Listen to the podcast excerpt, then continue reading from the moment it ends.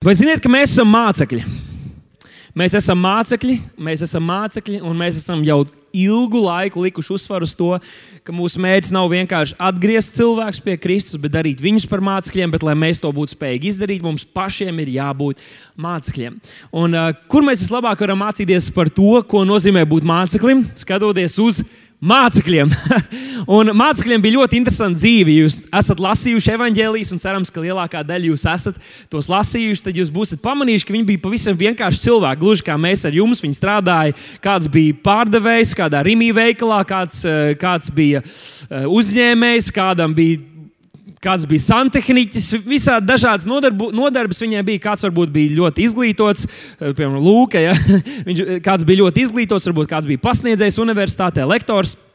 Bet kas viņus visus apvienoja, bija tas, ka Jēzus viņus aicināja kļūt par mācekļiem. Tas viņiem iedeva visiem vienu mērķi. Un tad nu, viņi sāk šos piedzīvojumus kopā ar Kristu. Viņi sāka redzēt lietas, kuras cilvēkam nebija saprotamas. Viņi sāka redzēt, ka Jēzus un arī viņi paši ir spējīgi darīt to, kas agrāk nevienam nešķita, ka tas būtu iespējams. Pat sap, nevienam pat sapņos nerādījās, ka kaut kas tāds varētu notikt, ko Jēzus darīja. Viņi bija lasījuši vecajā derībā par mūzu un vēl kādiem, kas sašķēla jūras, un Simpsonu, kas darīja nu, apbrīnojams lietas, bet Jēzus darīja kaut ko tādu, kas pat vecajā derībā nekad nebija noticis.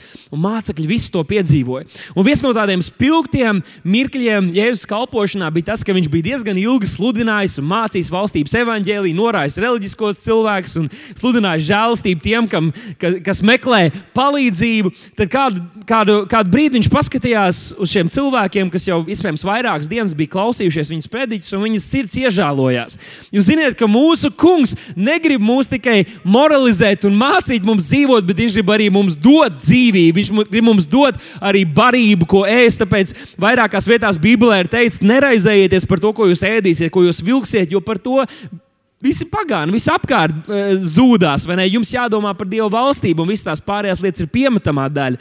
Un mācekļi tieši to viņi izdzīvoja. Un tagad Jēzus paskatās, ir 5000 vīru. Tas nozīmē, ka vēl vismaz tikpat sievas un bērni, vismaz 10,000 cilvēku viņas ir ciešēlojis. Viņš saka saviem mācekļiem, nu, kā gan mēs varētu pabarot viņus. Negribās viņus laist mājās, gribās, lai viņi ne tikai zina, lai viņi ne tikai zina, ka es runāju patiesību, bet arī lai viņi ir pēduši. Uh, un varbūt viņi piedzīvo kādu brīnumu. Mācekļiem, protams, nekā nav līdzi. Viņi nav par to domājuši. Un tad nu, vienīgais, kam kaut kas ir līdzi, ir kāds zēns, kuram ir dažas zīltiņas kaut kādu maizīti mazliet līdzi. Es jums tagad pastāstīšu, aptuveni, kā mācekļi varbūt to būtu stāstījuši. Dažas zīltiņas, eh, man liekas, ka divas zīltiņas, dažas tur maizītes. Nu, jā, un tad tur bija desmit tūkstoši cilvēku, un kas tur tālāk notiek? Uh, nu, ja jūs sakat, labi, tad dosim viņiem paēst. Viņš paņēma tās maizītes un tās zīltiņas, viņš pacēla tās augšā, pateicās tēvam, mēs sākām tās laust, tad pabarojām visus tos cilvēkus, tad salasījām 12 grozus vēl ar, ar, ar, ar pārpalikumiem, nu, un tad devāmies tālāk. Tas būtu tas, kā viņi to būtu stāstījuši. Bet, ja mēs atveram Marka evanģēlijas sesto nodaļu, Marka evanģēlijas sestā nodaļa tad gan 6. gan 8. nodaļā mēs redzam, ka pirmkārt Mark, Marks raksturo šo situāciju tā, ka šie mācekļi pēc tam, kad viņi bija laivā un Jēzus bija uzkāpis augšā dievu lūgt, tad dodoties pēc šī brīnumainā notikuma, tad viņi bija izbijušies, kad visapkārt bija vētra un viņi redzēja Jēzu pa ūdens virsmu staigājam. Viņi bija izbijušies, viņi bija baiļu pārņemti.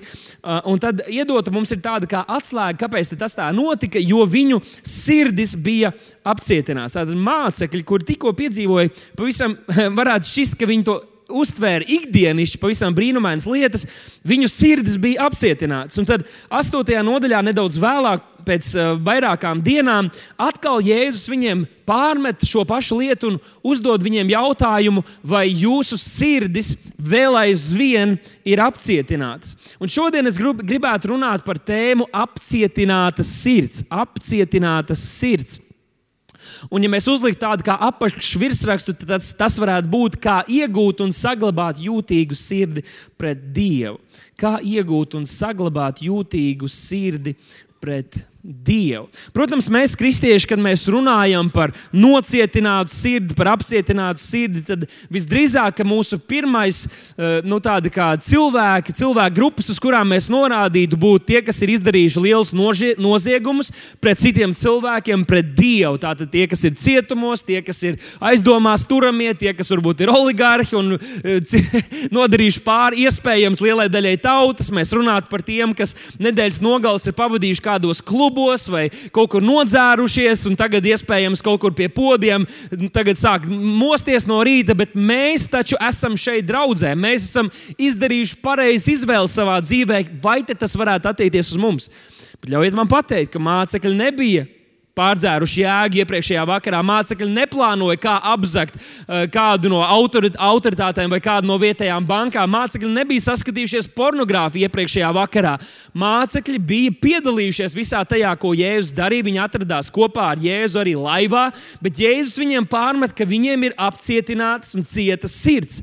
1. korintiešiem 6,9, 1. korintiešiem 6,9, tur jaunajā tulkojumā ir teikt šādi vārdi: nemaldiniet sevi. Viņš raksta to draudzē, viņš raksta to kristiešiem. Pāvils raksta kristiešiem to: nemaldiniet sevi, nedz izvirtuļi, nedz elku kalpi nec laulības apgānītāji, nec baudu kārie, nec vīriešu piegulētāji. Starp citu, ir daudzas kristīgas kustības, kas apgalvo, bet Bībelē jau e, dievam nav nekāda iebilduma pret homoseksuālām attiecībām. Ja divi cilvēki mīl viens otru, viņi var darīt visu, ko viņi grib, un Dievs ir mīlestība. Tad šeit ir viens no piemēriem, kur Bībelē ir teikts, ka, ja ir cilvēks, kurš piekop šāda veida seksuālas attiecības, tad tas Dievu priekšā ir grēks, kurš acīm redzot diskvalificē cilvēku, lai tas varētu nonākt debesīs lasīs. Tālāk viņš saka, alkatīgie dzērāji, arī tie, kas rupjības runā, tie neiemantos Dieva valstību. Tātad šeit mums jāsaprot, ka mācekļi nebija darījuši visas šīs lietas. Visdrīzāk, kad viņi jau bija diezgan priekšzīmīgi kristieši, bet Jēzus tik un tā uz viņiem runā par apcietinātām sirdīm, par apcietinātām sirdīm. Tāpēc tieši par to es šodien vēlos runāt. Viena no raksturvietām, kas iespējams jums kādreiz ir uh, likusi apstāties, kad jūs lasījāt Pāvila vēstuli romiešiem, tad 9. nodaļā, 18. pantā, tur Pāvils pasaka ļoti interesantus vārdus. Ja kuros, ja mēs neiedziļināmies, tad mēs varam pārprast to, kāds Dievs ir un kāda ir viņa nodomi visiem cilvēkiem. Un man nebūs iespējams apskatīt un iedzināties visā šajā nodaļā, bet es gribu mazliet iedot kontekstu, kas mums palīdzēs arī pēc tam vēlāk saprast, ko tad es un ko Bībele domā runājot par šo vārdu apcietināta sirds. Un tātad 9. nodaļā, 18. pantā rakstīts, tātad, kuru viņš grib, to viņš žēlo un kuram grib, tam apcietina sirdi. Ir kādi, kas ir lasījuši šādas raksturvietas, un tad viņi, protams, izlemj, ka labi, varbūt es neesmu glābts, man neinteresē visas šīs dievu lietas, un man ir tāda un tāda attieksme par visu to, bet Vai tad es kaut ko varu mainīt? Tas ir Dievs, kurš ir devis man tādu sirdi, un tas ir Dieva plāns. Acīm redzot, es nevaru pretoties Dieva gribai.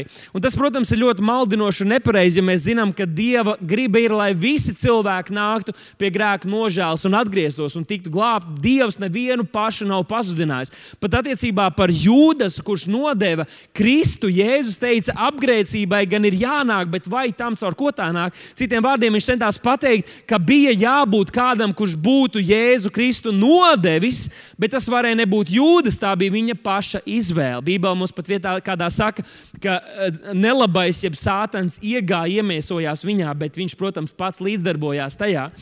Vēlnam nav tādas eh, tiesības un spēka kā dzīvē tādā veidā ienākt. Bet tad šeit viņš saka, kuru viņš grib, to viņš žēlo, un kuram grib, tam apcietina sirdi.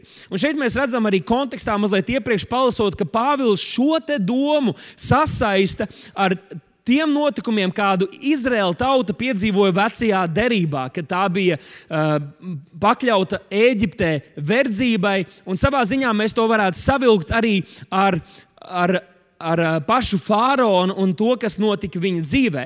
Nu, vienkāršojot šo, šos pašus vārdus, Pāvils teiktos, varētu teikt tā, ka ko viņš centās pateikt, ir, ka dieva nodomam svētīt un dieva plānam nevar pretī stāvēt itin neviens. Vai tas ir kāds labs cilvēks, vai ļauns cilvēks, vai ļauns spēks. Dieva nodoms un dieva plāns piepildīsies. Un tāpēc mēs varam droši zināt, ka tas, kā ir rakstīts atklāsmes grāmatā, kas notiks beigās, kas notiks ar nelabo, kas notiks ar draugu, kas notiks ar pasauli, ka tas tā arī notiks. Vienalga, kādas valdības, kādi ietekmīgie oligarhi un kādi vēl tic visādiem iluminātī. Pat ja arī tādi būtu, vienalga, ko pasaules varanie un visādas valdības un varas un, un, un ļaunie gari būtu paredzējuši un ko viņi vēlētos, Dievu viņi ne nevar apstādināt. Un Dieva nu, lielais mērķis un plāns tik un tā piepildīsies. Tas notiks. Un Tas var notikt pat tajā veidā, ja dievam būtu jālieto kaut kāds pasaules ļaunums, lai galu beigās tas nāktu par labu cilvēcei. Labs piemērs ir Jēzus Kristus nāve pie krusta. Tas varbūt nebija. Mēs, ne, mēs, mēs neapgalvojam, Bībele nesaka, ka tas bija Dievs, kurš pamudināja cilvēkus, lai viņi tagad iet un gribētu sist viņu krustā. Tas bija ļaunums, tas bija viss šī demoniskā pasaule, kas gribēja iznīcināt Dieva dēlu un pazudināt visu cilvēci. Bet Dievs izmantoja šo ļaunumu. Dievs izmantoja visu to, ko šie ļaunie cilvēki un gari gribēja izdarīt, lai pazudinātu cilvēci, lai cilvēci glābtu. Tātad Dieva mērķis un plāns tik un tā triumfē pāri jebkādam ļaunumam. Un, protams, ka vēl viena no lietām, ko šeit Tas ir iepriekšējā raksturvietā, iepriekšējā slaidā, ko Pāvils centās pateikt mums, ko viņš vēlāk arī saka, ka Dievam mēs neviens nevaram apsūdzēt Dievu kā netaisnu. Un mēs pat nedrīkstam uzdrīkstēties kaut ko tādu domāt vai teikt. Viņš saka, kā gan kāds māla, māla gabaliņš var uzdrīkstēties savam veidotājam kaut ko sūdzēties. Tas nozīmē, ka Dievs var rīkoties tā, kā Viņš grib, un tajā pašā laikā mums ir jāsaprot, ka Dievs ir taisns. Neviens viņa nolemts nav aiziet pazušanā, katram ir izvēle, un to mēs pēc brīža arī labāk sapratīsim. Bet runājot par faraonu, protams, Izraēla tauta, un tur mēs arī redzam šo mētāšanos, ka Izraēla tauta vienu brīdi ir atvērta dievam un paklaus viņam, tad nāk cits valnieks, un tad atkal visas tautas un arī valnieks sirds tiek nocietināti pret, pret dievu. Mēs zinām, ka tas nebija dieva plāns, tāpēc dievs ik pa laikam pārdzīvo, viņš, un, un, un viņam sāp, un viņš sūta savus praviešus, viņš sūta savus dievu vīrus un sievas, lai tie atgrieztu atpakaļ Izraēlas sirdi pie dieva. Tas nebija dieva plāns, bet redzot šos faraona notikumus, vajadzētu saprast, ka faraons, kas ir uh, tas, tas spēks vai tā būtne, persona, kas valdīja pār Izraēlu tautu, ka tā bija pakļauta verdzībai Eģiptē, mēs redzam, ka Bībele viņam neiedod vārdu. Uh, Tur nav pateikts, tas ir tāds Konstantīns III vai kaut kas tamlīdzīgs. Tur ir lietots vienkārši šis vārds fārons vai Eģiptes ķēniņš vai karalis, kas mums liek saprast, ka te runa nav tik daudz par to konkrēto personu, kā drīzāk kā tādu ilustrāciju un vīziju tam spēkam, kāds darbojas pret dieva tautu, kāds darbojas pasaulē. Un visas šīs lietas, kuras uh, darīja fārons, mēs vēl aizvien, lai gan dažādos citādos veidos, tomēr varam saskatīt sabiedrībā. Fārons bija tas, kurš sacīja, pacēlās par Dievu, kurš teica, es esmu šīs pasaules Dievs. Viņš bija ietekmīgākā persona sabiedrībā. Viņš, viņš gribēja būt tas, kurš pārdefinē to, kas ir pareizs, kas ir nepareizs, to, kas ir labs. Viņš nodefinē kā sliktu, un otrādi viņš teica, mans vārds ir galīgais vārds. Viņš ielika sevi Dieva vietā. Viņš sacēlās par Dievu. Mēs zinām, ka Bībelē ir teikts, ka Dievs lepniem stāv pretīm. Tātad Fārons nekad, nekur mēs neredzam šajā stāstā, ka viņš būtu attēlots kā labais tēls.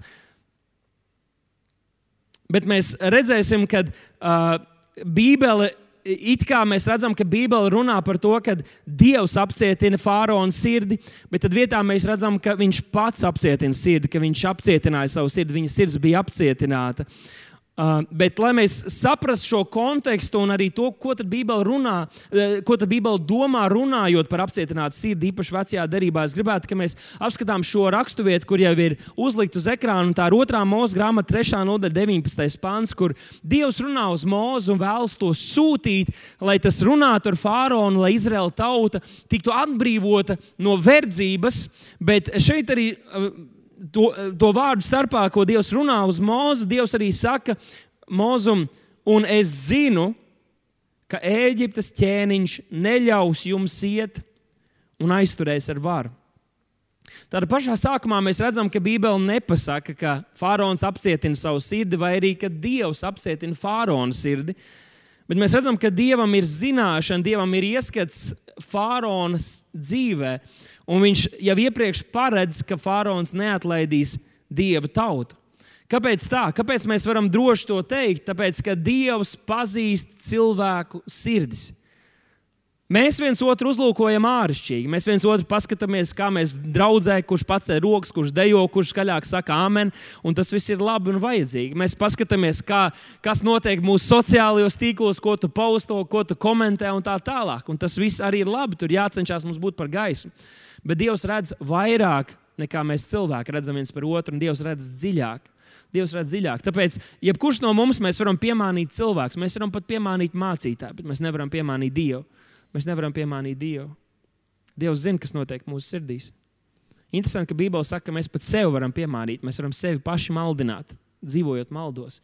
Bet Dievs pazīst cilvēku sirdis. Un tāpēc Dievs pavisam droši teica Mozum, tu ej un dari to, ko es sūtu tev darīt. Bet es zinu, ka Fārons neatlaidīs dievu tautu un ar, ar vāru to aizturēs. Un tad es gribētu, lai mēs pārslēdzamies uz šo nākamo slaidu, kur tā interesantā veidā tiek parādīta šī cīņa, kas notika Fārona sirdī. Fārona sirds tika apcietināta, bet kā tas īsti notika? Man šķiet, ka tas, kas notika ar Fāronu, mums labāk palīdzēs saprast to, kā tas var notikt arī mūsu sirdīs. Un kāpēc mums jābūt uzmanīgiem un par ko tad Jēzus un arī Apostols Pāvils runā, uh, run, nu, lietojot šos vārdus.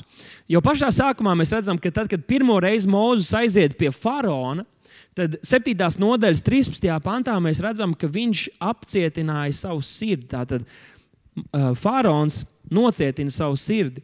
Patiesībā, ja mēs iedziļināmies vairāk šajā Bībeles tekstā, tad jūs pamanīsiet, ka arī pirmās piecas mocības, kuras tika uzsūtītas Eģiptei, lai pārliecinātu faraonu tomēr nepretoties dieva gribai, bet paklausīt un padoties viņam, uh, Tur katru reizi nav rakstīts, ka Dievs apcietināja faraona sirdi, bet tieši otrādi, ka viņš to izdarīja pats. Un pēc tam, pēc pirmajām piecām mocībām, kuras mēs varētu nodefinēt par tādu kā žēlastības laiku, kad Dievs turpināja klauvēt pie viņa sirds un dot viņam iespēju mainīt uh, savu sirds stāvokli un padoties Dievam, tad nākamajās piecās mēs jau redzam, ka tas ir Dievs, kurš arī apcietina faraona sirdi. Un tad, protams, rodas jautājums, kas tad bija tas iemesls, kāpēc viņas sirds apcietinājās pret Dievu. Protams, ne, neminot visu to, ko es jau teicu, ka viņš jau tāpat bija nolicis sevi Dievu priekšā, viņš bija sacēlies pret Dievu. Bet šeit man liekas, ka tāda ļoti interesanta norāde mums tiek parādīta otrās mūža grāmatas 7. nodaļā, 23. pantā, kur ir rakstīta tāda vārda, ka pēc tam, kad Mozus bija nācis, lai runātu uz viņu un lai nodot viņam šo Dieva brīdinājumu un pavēlu, tad nākamajā ir rakstīts, un faraons griezās atpakaļ un gāja uz savu namu, un arī to viņš neņēma pie sirds. Tas būs nākamais slaids. Viņš neņēma pie sirds vārdus, kurus Dievs sūtīja viņa dzīvē. Viņš neņēma vērā. Un lasot šo raksturvietu, es sāku domāt, vai arī mēs kādreiz tā kad mēs tā viegliprātīgi izturamies pret vārdu, kas, ko Dievs runā uz mums šeit, kad mēs sanākam kopīgi. Es ticu, ka tam vienmēr ir pravietisks pielietojums, un ka Dievs ir spējis savu, savu svēto garu, šī viena cilvēka runātos vārdus, svētā gara iedvesmotos vārdus, tomēr pielāgot, lai katram vienam tiktu izdalīts pa šim maizes un zivs gabaliņam, tā ka pat pāri paliek. Svētais gars to ir spējīgs darīt. Un mēs atkal un atkal dzirdam, ka šajā draudzē tas notiek, kad cilvēki nāk, jo viņi saņem, pie, piedzīvo un pie, pieņem šo Dievu vārdu. Bet vai nevarētu būt tā, ka līdzīgi kā Fārons, ka arī mēs kādreiz mēs dzirdam vārdu, varbūt tas ir mūsu personīgajā laikā ar Dievu, mēs lasām Bībeli mēs lasām Bībeli un kaut kas mūs uzrunā. Un nevis uzrunāt, ziniet, ar apsolījumu, kas ir, jā, es uzvarēšu, tu izturēsi, un tas ir, ir forši, un tos vajag. Bet kādreiz ir tā, ka tas vārds iedur. Iespiežās, un tas nav tik patīkami. Saprotu, pats, bet, ja, man, ja es gribu paklausīt šam Dieva vārdam, man būs kaut kas jāmaina, man būs, man būs jāstrādā ar sevi. Un tas var nebūt patīkami. Varbūt kādu reizi tas ir kāds brālis un māsa draudzē, kurš labu gribot, varbūt nevienmēr sanāk ideāli, bet dievbijā cenšas pamācīt tevi, iedrošināt tevi, pateikt kaut ko, ka tomēr vajadzētu rīkoties tā un tā, kas būtu saskaņā ar Dievu vārdu. Vai mēs esam ātri noraidījuši šīs lietas, vai mēs esam ātri aizvainoties, vai mēs esam, vai mēs esam ātri vienkārši neievērot, aizmirst to, kas notika. Kā rezultātā mūsu sirds, līdzīgi Fāraona sirdī, var, var apcietināties. Runājot par šo vārdu, apcietināt, vecajā derībā lietots šis vārds haza. Ir dažādi vārdi, bet šis ir biežāk lietotais vārds haza, kurš būtībā nozīmē stiprināt. Tātad Dievs stiprināja faraona sirds nodomus. Tātad deva tam spēku, stiprināja, nostiprināja. E, šis pats vārds tiek lietots Jozovā grāmatas 1. nodaļā, 7. pantā, kur Dievs runā uz Jozovā: Es esmu stiprs un drošsirdīgs, nebīsties! Es esmu stiprs, drošsirdīgs, es esmu stiprs, stiprināts, es esmu stiprināts. Un tad, kad Bībele runā par to, ka Dievs nocietina, mūsu, mūsu gadījumā lietos, nocietina faraona sirdi, tur ir lietots šis vārds hazā, kas nozīmē, viņš stiprina šos faraona sirds nodomus.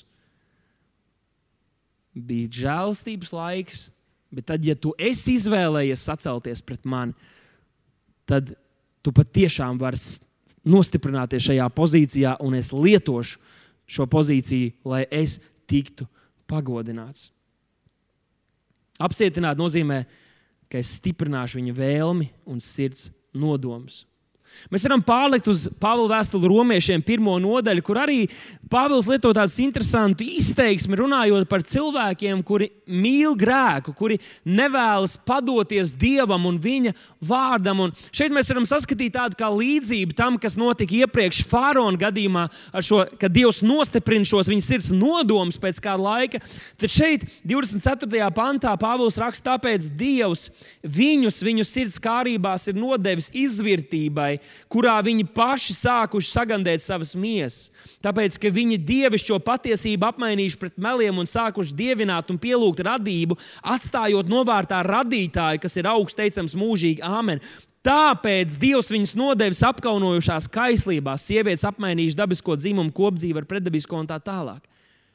Kas šeit notiek? Vai Dievs izvēlējās daļu sabiedrības, lai viņus nodotu grēkam, lai viņi dzīvotu grēk, grēkos, pazudinātu dzīvi? Nē, šeit atkal ir runa par šo pašu kontekstu, līdzību tam, ko mēs redzējām eh, saistībā ar faraonu. Ja ir cilvēki, kuri atkal un atkal noraida Dievu, atkal un atkal izvēlas grēku un tik ļoti kāro dzīvot bezdievīgas dzīves, tad pienāk brīdis, ja mēs citādāk varētu teikt, ka Dievs nodoties varētu nozīmēt, ka viņš, ka viņš tā kā padodas, ka Dievs Uh, nodot cilvēku grēkam, nozīmē, ka viņš padodas un atlaiž cilvēks patiešām saņem to, ko viņu sirdis vēlās, pēc kā viņi tik ļoti ilgojās.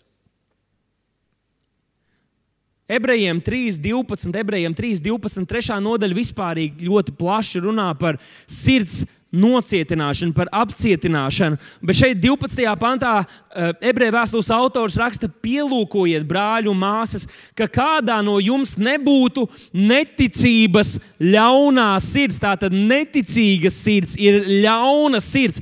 Un kā tas izpaužās? Atkāpjoties no dzīvā dieva. Tātad neticības sirds, ļauna sirds, kas atkāpjas no dieva, kas atkāpjas no viņa vārda, atkāpjas no viņa pavēlēm iziet uz kompromisu kaut kādās lietās, nevis padodas tiešām viņa vārdam. Viņš saka, bet, un tad viņš iedod mums instrukciju, kā mēs varam pasargāt sevi no šādas sirds. Viņš saka, bet pamācājiet cits citu katru dienu, kamēr vēl saka šodien, lai kādam no jums sirds netiktu apcietināta ar grēka viltību. Un tālāk viņš saka, vēlreiz, kamēr jūs dzirdat, neapcietiniet savas sirdis kā sarūktinājumā, neaizvainojieties, nesarūktinieties. Kad Dievs uz jums runā, kad Viņš lieto kādus brāļus un māsas, tad nesu, nesarūktinieties. Neļaujiet, lai tas jūs aizvaino. Un šeit mēs, protams, visi esam viensprāts, jo te viņš runā par grēku, kad mēs dzīvojam atklātā grēkā, kad mēs zinām, ka Dieva griba nav, lai mēs rīkojamies tā, bet mēs turpinām darīt un pat izbaudām to, tad mēs esam ļoti bīstamā vietā. Un mēs zinām, ka ja mēs dzīvojam šādā grēkā, tad, lai gan mēs varam turpināt būt daļa no kristiešu kopienas un nākt uz draugu, bet mūsu sirds var aizvien vairāk attālināties un nocietināties pret Dievu, kāds, eh, kāds Dieva vīrs teica par, par attiecībām ar Dievu, ka tā, mēs pievēršamies Dievam, tas nenotiek vienā brīdī. Tas ir kā liels kuģis, kurš palēnām, palēnām tiek stūrēts. Tu palēnām, palēnām nocentrējies uz viņu, un tad dodies pie viņa. Bet arī atkrišana no Dieva nenotiek vienā brīdī. Tas nenotiek tā kā tu Tikko vakar tu biji pilnībā nodevies Dievam, un tev rūpēja viņa prāts un viņa plāns. Tu gribēji paklausīt viņam, un pēkšņi tu kriti galīgākajā grēkā. Nē, tas tā nenotiek. Tas notiek cilvēka sirdī. Kad, lai gan āršķirīgi viņš vēl aizvien ir saglabājis iepriekšējo kursu, bet savā sirdī viņš sāk attālināties no Dieva. Tas nozīmē, ka viņa sirds tiek apcietināta. Es jau kaut kad esmu teicis šo piemēru, bet ja tu patiešām iedomājies vīrs, kurš patiešām mīl savu sievu, kurš ir iemīlējies savā sievā, viņš nevar nākamajā brīdī vienkārši pārkāpt laulību. Tas viss sākas domās.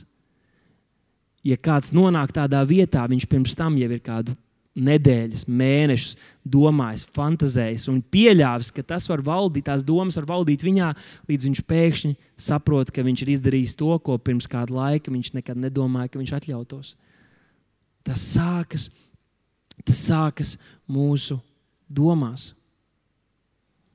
Bet tātad, protams, mēs saprotam, ka pasargāt mūsu sirdis, labi, mums ir jātiek vaļā no grēkiem, bet tas nav tik vienkārši. Ja tie būtu tikai grēki, kas apcietina mūsu sirdis, lai gan Bībelē mums atklāja, ka grēks pēc būtības ir ļoti plašs jēdziens. Jēzus teica, ne, tas eh, evaņģ, eh, jaunajā darbā rakstīts, ja tu zini labu darījumu, lai Pāvils to rakstīja, ja tu zini labu darījumu, bet to nedari, tas tev ir par grēku, un viss, ko mēs nedarām ticībā, arī tas ir grēks Dievu priekšā. Tātad grēks ir pavisam taisnais no ticības dzīvojums mums būtu jādzīvo ticībā, jādzīvo garā, tad mēs patiesi dzīvosim Dievam patīkamas dzīves. Bet ir kaut kas vairāk par vienkārši grēku, ko mēs apzināmies, kas var apcietināt mūsu sirdis. Un, lai to mēs ieraudzītu, es gribētu, lai mēs atgriežamies atpakaļ stāstā, ar kurus ar, ar kurus iesāku, kur mācekļi kopā ar Jēzu ir pabarojuši 5 līdz pat 10 tūkstošus cilvēku. Jūs redzējāt, kā es aprakstīju šo situāciju diezgan vienkāršot, un kas jūs esat lasījuši, kas jūs esat dzirdējuši. Jūs droši vien domājat, nu, Dārvid, ko tu ne, neuzsver? Tur bija tikai divas zīves, tikai piecas maizes, desmit tūkstoši cilvēku. Jēzus viņu pabaroja visus, visi bija apmierināti, 12 grozi tika salasīti. Kāpēc tu tā noturināji to? Pēc tam, pēc tam, uzreiz pēc tam mēs redzam, ka uh, šī vētra tiek noklusināta. Pēc tam viņi dodas kopā uz ģeneceretu, kur, kur jēzus dziedina slimos. Tur rakstīts, ka no visas ciemata, no visas pilsētas cilvēki iznes slimos pie Jēzus. Viņi sakrāva viņus ielu malās un viņi lūdza, kaut viņi varētu tikai roku aizskart Jēzus drēbju vīlu un viņi tiktu dziedināti, redziet, ko dara liecība. Viņi bija dzirdējuši par sievieti, kur to izdarīja, un tāpēc viņiem tagad bija ticība. Ja es tikai aizskartu, vienkārši es kļūšu dziedināts, un tas notika. Viņi to redzēja, viņi to piedzīvoja. Pēc tam Jēzus norāja kāds reliģiskos cilvēks, un tad viņš izdzen ļauno garu no kādas meitenes, kuras mammai bija ticība par savu, par savu meitiņu. Pēc tam mēs redzam kādu kurmāmo cilvēku, kur Jēzus dziedina viņu, viņš pēkšņi var dzirdēt, viņš var sākt runāt, un mācekļi visi to piedzīvoja.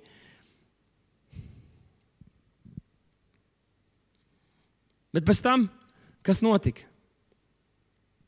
Viņi brauc laivā, Jēzus cenšas viņiem kaut ko mācīt, dot viņiem pamācību par to, kā dzīvot šo kristiešu dzīvi. Viņš saka, raugieties, sargieties no farizēja rauga.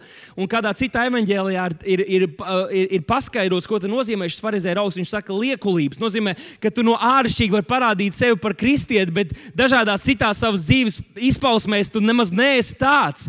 Kad tu no vienas puses tu gribi dzīvot garā un kaut kādā brīdī tu sevi tā parādi, bet pēc tam tu turpini dzīvot miesā un domā tikai cilvēcīgas domas. Šeit Marka Evanģēlī. Marka evanģēlijā mēs redzam šo, šo notikumu, un atgriežoties pie šīs raksturvietas, mēs redzam, un es šoreiz ieliku tādu iestarpinājumu, kas mums iedod nedaudz kontekstu par šo otru lietu, var, ko mēs riskējam, kas var apcietināt mūsu sirdis. Un tas ir, ka pēc tam, kad Jēzus bija atnācis pie viņiem pa ūdens virsmu, kad jau pēc pirmā brīnuma, kad viņi pabaroja desmit tūkstoši, kad mācekļi bija laivā un Jēzus bija uzkāpis Dievu lūgt, Tad pēc tam, kad sacēlās vētra un Jēzus atnāk pie viņiem pa ūdens virsmas, virsu, tad tur ir rakstīts, ka, ka šie mācekļi bija izbijušies. Tātad viņu apcietinātā sirds ietekmēja viņu dzīvi pavisam personīgā un reālā, praktiskā veidā. Bet tad ir arī paskaidrots, protams, viņa sirds bija apcietināta, bet kā, kā, kas par to liecināja? Viņi notikumu ar maizēm nebija sapratuši. Un pēc tam divas nodaļas vēlāk, pēc tam, kad visi šie brīnumi ir notikuši, vēl aizvien Jēzus viņiem saka, vai jūs vēl aizvien nesaprotat? Vai jūsu sirds vēl aizvien ir apcietināts? Un tad viņš sāk uzskaitīt tieši šos divus notikumus. Viņš sāk skaitīt, cik tur bija zivis, cik bija maizes, cik cilvēki bija, cik, cik pabarot, cik pēc tam uh, grozi tika salasīti. Un viņš, viņš cenšas viņiem pievērst uzmanību uz ko? Ka tas bija brīnums. Tas nebija iespējams. Tas, ko mācekļi piedzīvoja kopā ar Jēzu, tas nebija iespējams. Tas bija pārdabiski. Un mācekļi visu to bija piedzīvojuši. Viņi bija visā tajā līdzdarbojušies. Bet tiklīdz ir kāds brīvs brīdis, viņi sāk domāt par cilvēcīgām lietām. Viņa domāšana nolaidās lejā. Viņa nepārdomāja, ko Dievs bija darījis. Viņa nedomāja par Dievu vārdu. Viņa nedomāja par to, ko Jēzus bija sludinājis. Viņa nedomāja par to, ko Jēzus bija darījis viņa dzīvē, kā viņš bija pagodinājis, kā viņš centās attēlot, ko nozīmē, ka debesu valstība ir tūlīt klāt pienākusi. Tā ir pieejama katram vienam. Ejiet, izdzeniet ļaunus garus. Els vārtiem nebūs stāvēt pretīm Dieva draudzēji. Tā vietā, lai viņi domātu par to, viņi sāk skatīties uz apstākļiem, sāk skatīties uz visām cilvēcīgām lietām. Bija aizņemti vienkārši savu ikdienu, savu ikdienu pavadīt, domājot par savu ikdienu, rūpējās par to, ko viņi ēdīs. Do, o, visiem burbuļs vēders, o, kur ir maizes, mums nav maizes. Viņa domāšana nepacēlās pāri šim cilvēcīgiem, vienkāršiem līmenim, kurā visa pasaule darbojās. Aiziet uz ielas, parunājieties ar cilvēkiem. Visi saprot un domā, ka iespējams ir tikai tas, kas cilvēcīgi ir atrasināms, kas cilvēcīgi ir iespējams. Tāpēc mūsu sabiedrībā nav cerības. Tāpēc nav cerības. Un mācekļi bija tieši tādi paši. Viņi to visu bija piedzīvojuši. Cik daudz mēs esam redzējuši Dieva roku mūsu dzīvēm, cik daudz mēs esam redzējuši brīnumus. Pat ja tas nenotika tieši ar tevi, tev pa labi, pa kreisi sēž brāļi un māsas, kas ir liecinājuši, kas ir piedzīvojuši. Cik bieži Dievs nav uzrunājis tevi tik spēcīgā un personīgā veidā. Mūsu draugs pati par sevi ir liecība par to, jau mēs varētu domāt dienām un naktīm un pateikties Dievam, kādu brīnumu Viņš ir izdarījis. Un šī nākamā mēneša beigās mēs svinēsim un skatīsimies uz priekšu, ko Dievs grib darīt tālāk caur mums. Bet mums ir tik daudz, kas ir noticis, tik daudz, kas ir ko pateikties. Viņu sirds bija apcietināts, tāpēc, ka viņi, viņi atgriežoties ikdienā pēc īpašiem notikumiem ar Jēzu, viņi atgriezās ar ikdienišķā domāšanā, cilvēcīgā domāšanā. Tas, par ko mēs domājam, tas dominē mūsu dzīvēm. Tas iegūst spēku ja mēs esam pārņemti. Un es runāju to arī uz sevi. Ja mēs mūsu ikdienā, protams, man ir jāpadomā, vai ko meitiņai uzvilkt, un lai iebraukt veikalā, nopirkt pārtiku, bet ja tas ir viss, par ko mēs domājam, ja mūsu domās nav vieta Dieva vārdam, nav vieta tam, ko Dievs runājas mūsu dzīvēm, ja mūsu domās nav pateicības vieta Dievam, Kad mācījos šajā Bībeles koledžā, mums bija kāds kalpotājs, kas stāstīja, ka, ka viņš bija nu, jaunāks, kalpotājs, tad viņi bija bijuši divi tādi dedzīgi draugi, kas bija apņēmušies, ka viņi kopīgi grib iesākt atmodu pasaulē. Viņi bija iesākuši ugunīgi, viņi bija spridzinājuši, ritīgi spridzinājuši. Rītīgi kalpojuši tam kungam, redzējuši zīmes un brīnums, un abiem diviem Dievs bija devis tādu atklāsmes garu un spēju sludināt un, un aizsniegt cilvēku sirdis. Bet tad šis viens no kalpotājiem bija izdarījis kādas kļūdīgas izvēles un palānām atstājis kalpošanu un aizgājis pavisam tādā citādā eh, dzīves ritmā un ikdienā.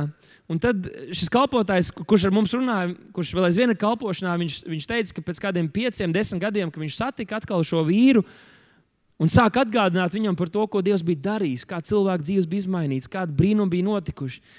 Ka viņš, to, viņš neko no tā visa neatcerējās. Viņam, viņš vairs neticēja dievam, viņam bija kaut kāda vilšanās sirdī. Kas notika? Tas, tas, ko es teicu par to kuģi.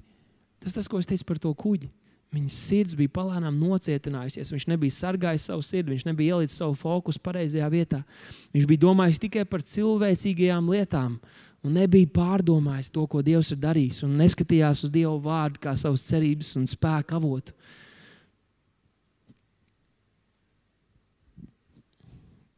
Ko lai mēs mācāmies no šiem mācekļiem? Ko lai mēs mācāmies? Ko Jēzus cenšas šodien mums pateikt? Ir labi tikt galā ar saviem grēkiem, un to vajag. Līdz asinīm cīnīsimies, lai tiktu, darīsim visu, lai tiktu vaļā no kaut kādām grēkiem un sliktām lietām mūsu dzīvē, darīsim to. Bet ir kaut kas vairāk. Kas ir tavs fokus? Kas ir tavs fokus? Kolosiešiem 3. nodaļā, 2. pantā Pāvils mums iedod tādu ļoti liekas, skaistu attēlu, kā, kā tam vajadzētu izskatīties. Viņš saka, savas domas vērsiet uz augšu. Un, protams, ka viens no, tādiem, no tādām atrunām kristiešiem varētu būt, ka, zini, jums jau kalpotājiem ir viegli runāt. Lai gan kas jūs eh, zinat labāk, to, kas notiek arī mūsu draudzē, mūsu ikdiena nesastāv no vienkārši lūkšanām un dievvvārdu studijām. Mēs darām pavisam praktiskas lietas, lai viss šeit draudzē varētu darboties, lai viss varētu notikties. Mums ir tieši tāda pati piepūle jāpieliek, lai arī mēs saglabātu savus domas un fokusu Dieva vārdā. Viņš saka, savas domas vērsiet uz augšu, ne uz zemes lietām, jo jūs esat miruši un jūsu dzīve līdz ar Kristu ir apslēpta Dievā savas domas vērsiet uz augšu. Un es zinu, ka jau šajā vārdā un šajā virzienā Svētais Gars mūs ir vadījis jau ilgāku laiku, un tāpēc varbūt šis ir tikai tāds kārtējs vilnis, kas, kā, kas pamudina, kas iedrošina. Un varbūt es ceru, es ceru, ka šodien dod arī kaut kādas praktiskas sviras, kā tad saglabāt savu sirdi jūtīgu Dievu priekšā, slavētājs varētu uznākt. Kā saglabāt savu sirdi jūtīgi Dievu priekšā. Grēks ir liela problēma. No grēka ir jātiek vaļā. Bet mums ir tikpat daudz jādomā un jākontrolē, kas notiek mūsu domās. Vai varbūt tā, ka kristietis visu laiku ir aizvainojies, ka kristietis ir ikdienas rūpju pārņemts? Tā var būt, bet tāpēc Pāvils runāja uz šīm draudzēm, tāpēc Jēzus runāja saviem mācekļiem. Viņš teica, jā, vētras būs šajā pasaulē. Visādi notikumi būs visapkārt, bet jūs turiet drošu prātu un turiet savas domas pareizā vietā. Domājiet uz augšu, skatieties pāri cilvēcīgiem, skatieties pāri fiziskajam, skatieties pāri cilvēcīgi iespējamajam. Jo Dievam viss ir iespējams. Jo no Dieva perspektīvas viss izskatās daudz, daudz, daudz, daudz citādāk. Un ļaujiet man vēl noslēdzot pateikt šo. Kristietim nevajadzētu būt izbrīnītam, kad brīnumi notiek. Kristietim nevajadzētu būt šokētam, kad Dieva vārds piepildās. Mums vajadzētu būt sajūsminātiem, bet neizbrīnītiem. Ja mēs brīnamies, kad notiek brīnumi, mūsu sirds ir apcietināts par Dievu. Tas tas, ko Jēzus pārmet šiem mācekļiem.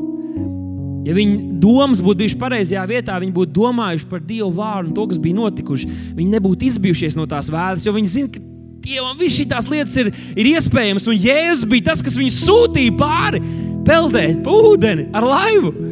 Jēzus bija tas, kas viņus tur sūtīja. Viņi nebūtu izbijušies, ka viņi redzētu kaut ko līdzīgu Jēzum staigājot pa ūdens virsmu, jo viņi zina, ka Dievam nav šīs cilvēcīgās robežas, viņi neierobežo.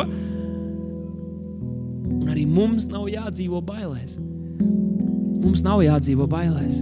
Mums jādzīvo skatoties uz lietām no viņa perspektīvas.